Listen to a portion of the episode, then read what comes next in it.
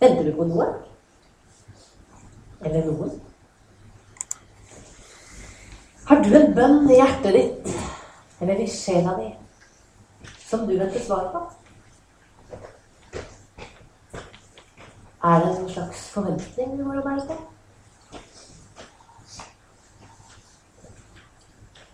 Det er ikke så vanskelig å se for seg at den unge jenta var full av forventning til livet. Hun levde i en helt annen tid enn vår, og en ganske annerledes kultur. Maria. Maria var midt i en overgangsfase. Hun var blitt lovet bort. Altså, nå var det bestemt hvilken slekt hun skulle være en del av. Hvem hun skulle leve med. Hvem hun skulle få barn med. Hvor hun skulle bo. Hvilken familie hun skulle bruke sin arbeidskraft for å tjene. Det hadde lenge vært bestemt at hun og Josef skulle gifte seg. Kanskje ble det bestemt allerede da Maria var et lite barn. Men nå var de inne i trolovelsesperioden. Å være trolovet, det var en juridisk bindende pakt. På linje med ekteskapet. Den kunne bare løses ved skilsmisse. Maria og Josef hadde allerede begynt på livet sammen, selv om de ennå ikke var gift. De bodde ikke sammen. Og de delte på den måten ikke hverdagslivet med hverandre. Men snart, snart skulle det skje. Nå var de inne i det året der de forberedte bryllup. Vi vet ærlig talt ikke så veldig mye om hvordan dette oppleves for Maria. Men det er jo ikke lett, det er ikke så vanskelig å forestille seg at hun eh, var ganske så forventningsfull i møte med alt det som skulle komme. Det var vanlig eh, for en kvinne på hennes tid å være ganske ung. Så hun var kanskje bare 13 år. Mannen kunne være mye eldre. Noen mener at Josef var betraktelig eldre enn Maria. Kanskje hadde han vært gift før. Kanskje hadde han barn fra før. Jeg vet ikke. Men Maria ung og ny og på full fart ut i det voksne livet. Midt i det så får hun besøk av en engel. Hør hva engelen sier til Maria. Frykt ikke. Du har funnet nåde hos Gud. Hør, du skal bli med barn og føde en sønn, og du skal gi ham navnet Jesus. Han skal være stor og kalles den høyeste sønn. Og Herren Gud skal gi ham hans far Davids trone. Han skal være konge over Jakobs hus til evig tid. Det skal ikke være ende på hans kongedømme. Ja, men det er jo ikke umulig! Jeg har jo ikke vært sammen med noen mann! svarer Maria. Men det har engelen svar på. Den hellige ånd skal komme over deg, og den høyestes kraft skal overskygge deg. Derfor skal barnet som blir født, være hellig og kalles Guds sønn. For en melding å få! For et budskap! For en livsforvandlende beskjed! Maria skulle bære verdens frelser i magen i ni måneder. Hun skulle føde en sønn, og han skulle bli stor. Han skulle være noe helt annet enn et vanlig barn. Og hun skjønte altså at hans kongedømme skulle være uten ende. Eller skjønte hun det? Vi vet ikke om hun var glad, spent, redd, bekymra. Kanskje var hun litt av alt. Men vi vet at hun svarte 'Jeg er Herrens tjenestekvinne. La det skje med meg som du har sagt.' Hun tok altså imot Jesus som en gave. Og så dro hun på besøk. Det tror jeg jeg også hadde gjort. Jeg hadde benytta meg av muligheten 'ring en venn'. Men det kunne ikke Maria gjøre, så hun dro til sin slektning Elisabeth. Elisabeth var også blitt gravid. Under veldig merkelige omstendigheter. Og kanskje trengte Maria litt hjelp til å lande inn i den her helt nye virkelighetsforståelsen. Kanskje trengte hun hjelp til å hente styrke hos den eneste på jord som kunne forstå henne. For Elisabeth og Zakaria, hennes mann, hadde også hatt besøk av en engel. Og de hadde også fått en rar og fantastisk nyhet om at de, det gamle, barnløse paret, Elisabeth og Zakaria, de skulle bli foreldre. De skulle få en sønn, Johannes, som skulle fortelle om han som skulle komme. Og vi leser i Bibelen at når Maria er på vei og kommer til Elisabeths hus, så gjør Johannes hånd inni Elisabeths mage. Han skjønner at Jesus er nær. Og disse to kvinnene de hadde fått livene sine dypt vevd sammen gjennom hver sine rare engler. Og de visste at Gud hadde begynt å iverksette sin plan om å sende et lys til en mørk jord. Om å komme med håp til en verden som kjente på håpløshet. For den tiden som Maria og Elisabeth og Zakaria og alle de samtidige med dem levde i, var en ganske sammensatt tid. I Palestina så eh, levde jødene okkupert. Romerne hadde tatt styringa av makta. Og dermed så levde alle sammen midt i en konflikt. De var ikke frie. De hadde en viss grad av eh, muligheter og selvstendighet, men, men jødene levde også med mange begrensninger. Det var eh, på mange måter et pulserende både religiøst og politisk liv. Eh, og det var en dyp forventning og et dypt rop i folket om at det måtte komme et svar på deres problemer. At det måtte komme en redning. At det måtte komme et håp. Og mange av dem opplevde at livet var litt mørkt. Og i det folket så levde det et håp om en som het Messias. At han skulle komme. Det hadde de hørt om til alle tider. At Gud skulle sende en frelser. Gud skulle sende et lys. Og noen tenkte at det var en profet, sånn som Moses. Andre tenkte at Elia skulle komme tilbake. De visste at han skulle være Davids sønn. Og han skulle bringe seier og ære og fred til Israel. Og det er jo ikke så vanskelig å forstå at i en tid hvor det var mange dragninger i mange retninger, så var det litt ulikt hvordan de tenkte at dette skulle se ut. Mange så for seg at det skulle komme en politisk redning, og det skulle komme med kraft og med makt. Noen tenkte at det var i åndelig forstand. Men alle håpet de på at det skulle gi dem det de trengte. Og kanskje var det sånn noen hadde det, sånn som det står skrevet i Salme 33, vers 20. Vår sjel venter på Herren. Han er vår hjelp og vårt skjold. Vårt hjerte gleder seg i ham. Vi setter vår lit til Hans hellige navn. La din miskunn være over oss, Herre. Det er deg vi venter på. Og de hadde et håp. For de hadde sett spor av dette håpet i det som vi kaller Det gamle testamentet, som for dem var de skriftene de fant styrke i. Og der står det skrevet i Isaiah 9 et håps, noen håpsvers. Det folk som vandrer i mørket, ser et stort lys. Over dem som bor i dødsskyggens land, stråler lyset fram. For et barn er søtt. En sønn er oss gitt. Herreveldet er lagt på hans skuldre.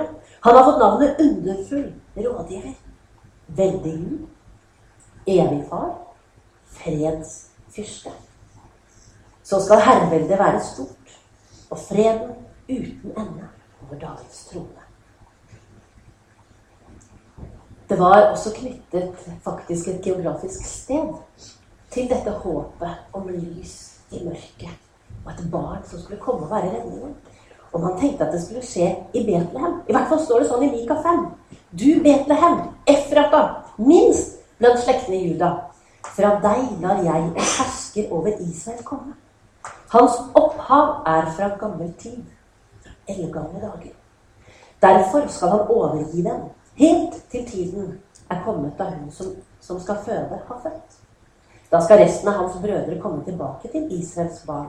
Han skal stå og hete i Herrens kraft, i Herren sin Guds høye navn.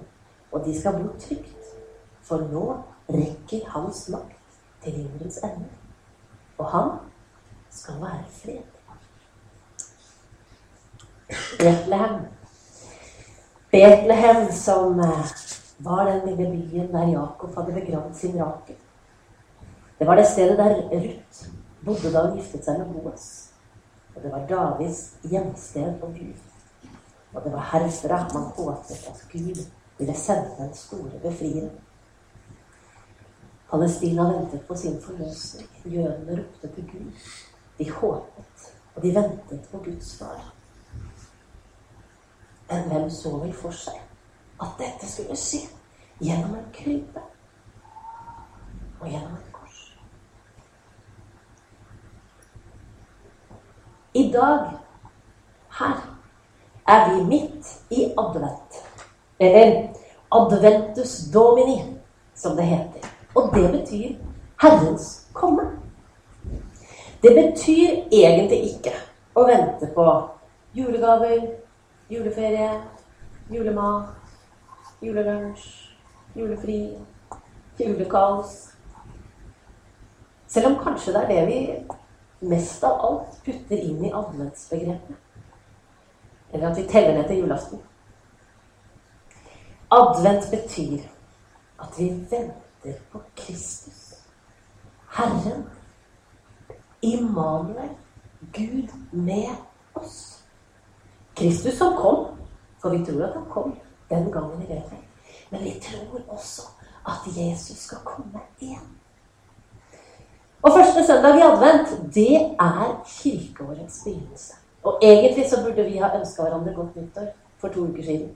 Da vi tente det første lyset. Det var ikke så mange av oss som gjorde det her. Jeg så noen som gjorde det på Facebook. Godt nyttår. For da begynner noe nytt. Vi venter på Herren. Og det er to navn fra Bibelen som særlig knyttes til adventsbegrepet. Og det er profeten Jesaja, som jeg allerede har lest en eh, liten profeti fra. Og så er det døperen Johannes, som vi har hørt om. Døperen Johannes som Elisabeth fikk på sine gamle dager.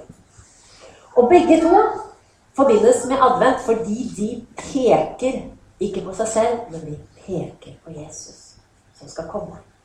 Jesaja peker på ham gjennom profetiene. Han snakker om at det skal komme et fredsrike. Han snakker om en sønn som skal være frelser og være fredsfyrste. Han snakker til og med om at det skal blomstre i ørkenen. Og han sier i Jesaja 7 så forteller han disse veldig kjente ordene om den unge jenta som skal bli med barn og føde en sønn, og hun skal gi ham navnet Immanuel. Immanuel betyr Gud med oss. Dette forteller Jesaja oss som spor av Jesus i Det gamle testamentet. Og som ord til håp i en mørk verden. Og Matteus han henter fram dette. Når vi leser hans evangelium, så er det helt tydelig at Matteus forteller dette inn i sin tekst om Jesaja, som fortalte om Jesus lenge før han kom. Og døperen Johannes han gjør det samme. Han baner vei for Jesus.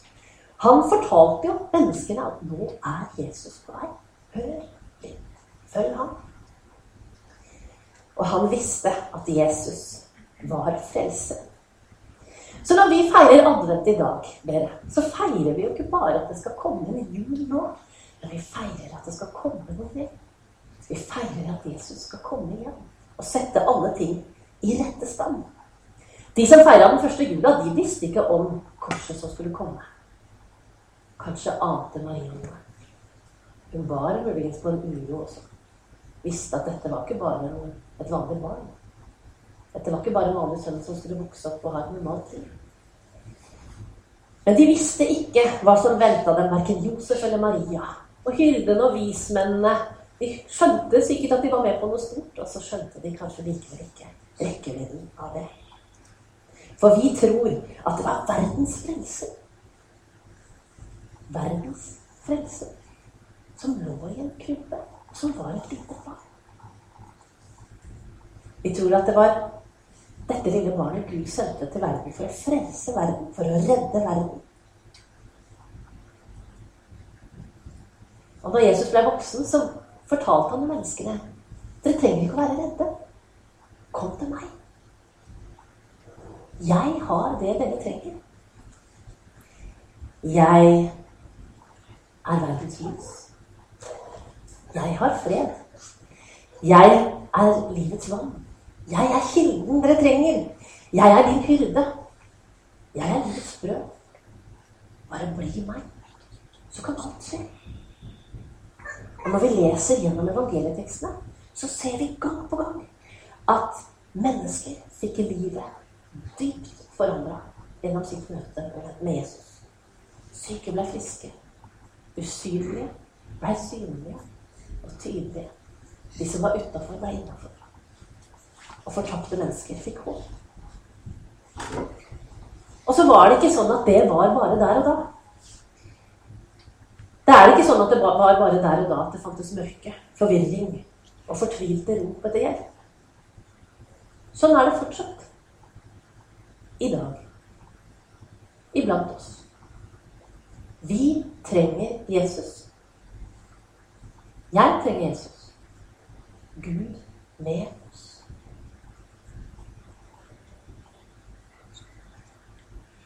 Kanskje mer enn noen gang så kjenner vi at mørket også har kommet hit. Dette er epoken hvor vi synger 'Deilig er jord'. Og jeg tror at Kristiansands befolkning kommer til å synge 'Deilig er jorden' med klump i magen i år. For vi vet at jorden ikke er deilig. Og den er ikke bare ikke deilig langt borte. Men jorden er ikke bare sted å bo på. Og denne uka så har vi blitt ramma av tragedien på Lund. Og det har gjort oss helt lammeslåtte. Hvordan er det mulig? Hvordan kan noe sånt skje her? Så unge. Så tilfeldig. Så grusomt. Så gråter vi med de som lider. Og så er det ikke verden større enn at mange av oss kjenner noen som er direkte berørt. Det gjør vondt. Og det er Jesus, kom. Vi trenger litt lys.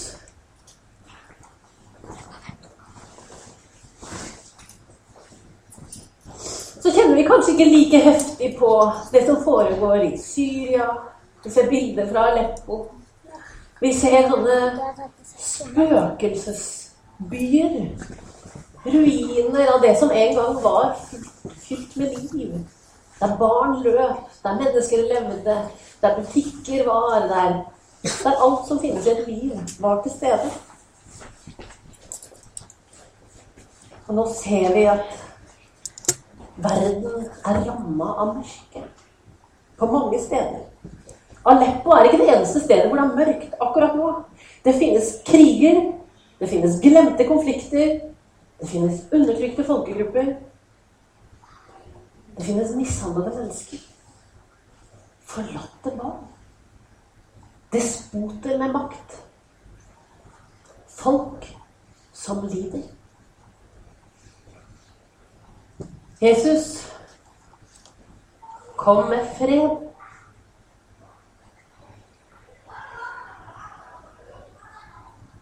Kanskje kjenner vi på noe av det inni vårt eget hjerte.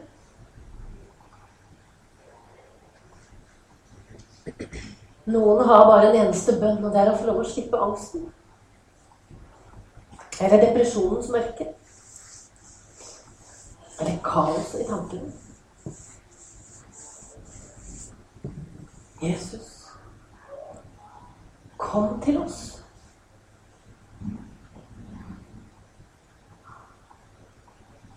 I går fikk Colombias president fredsprisen. Han fikk det for sitt arbeid for å ha fått i stand en fredsavtale i Colombia.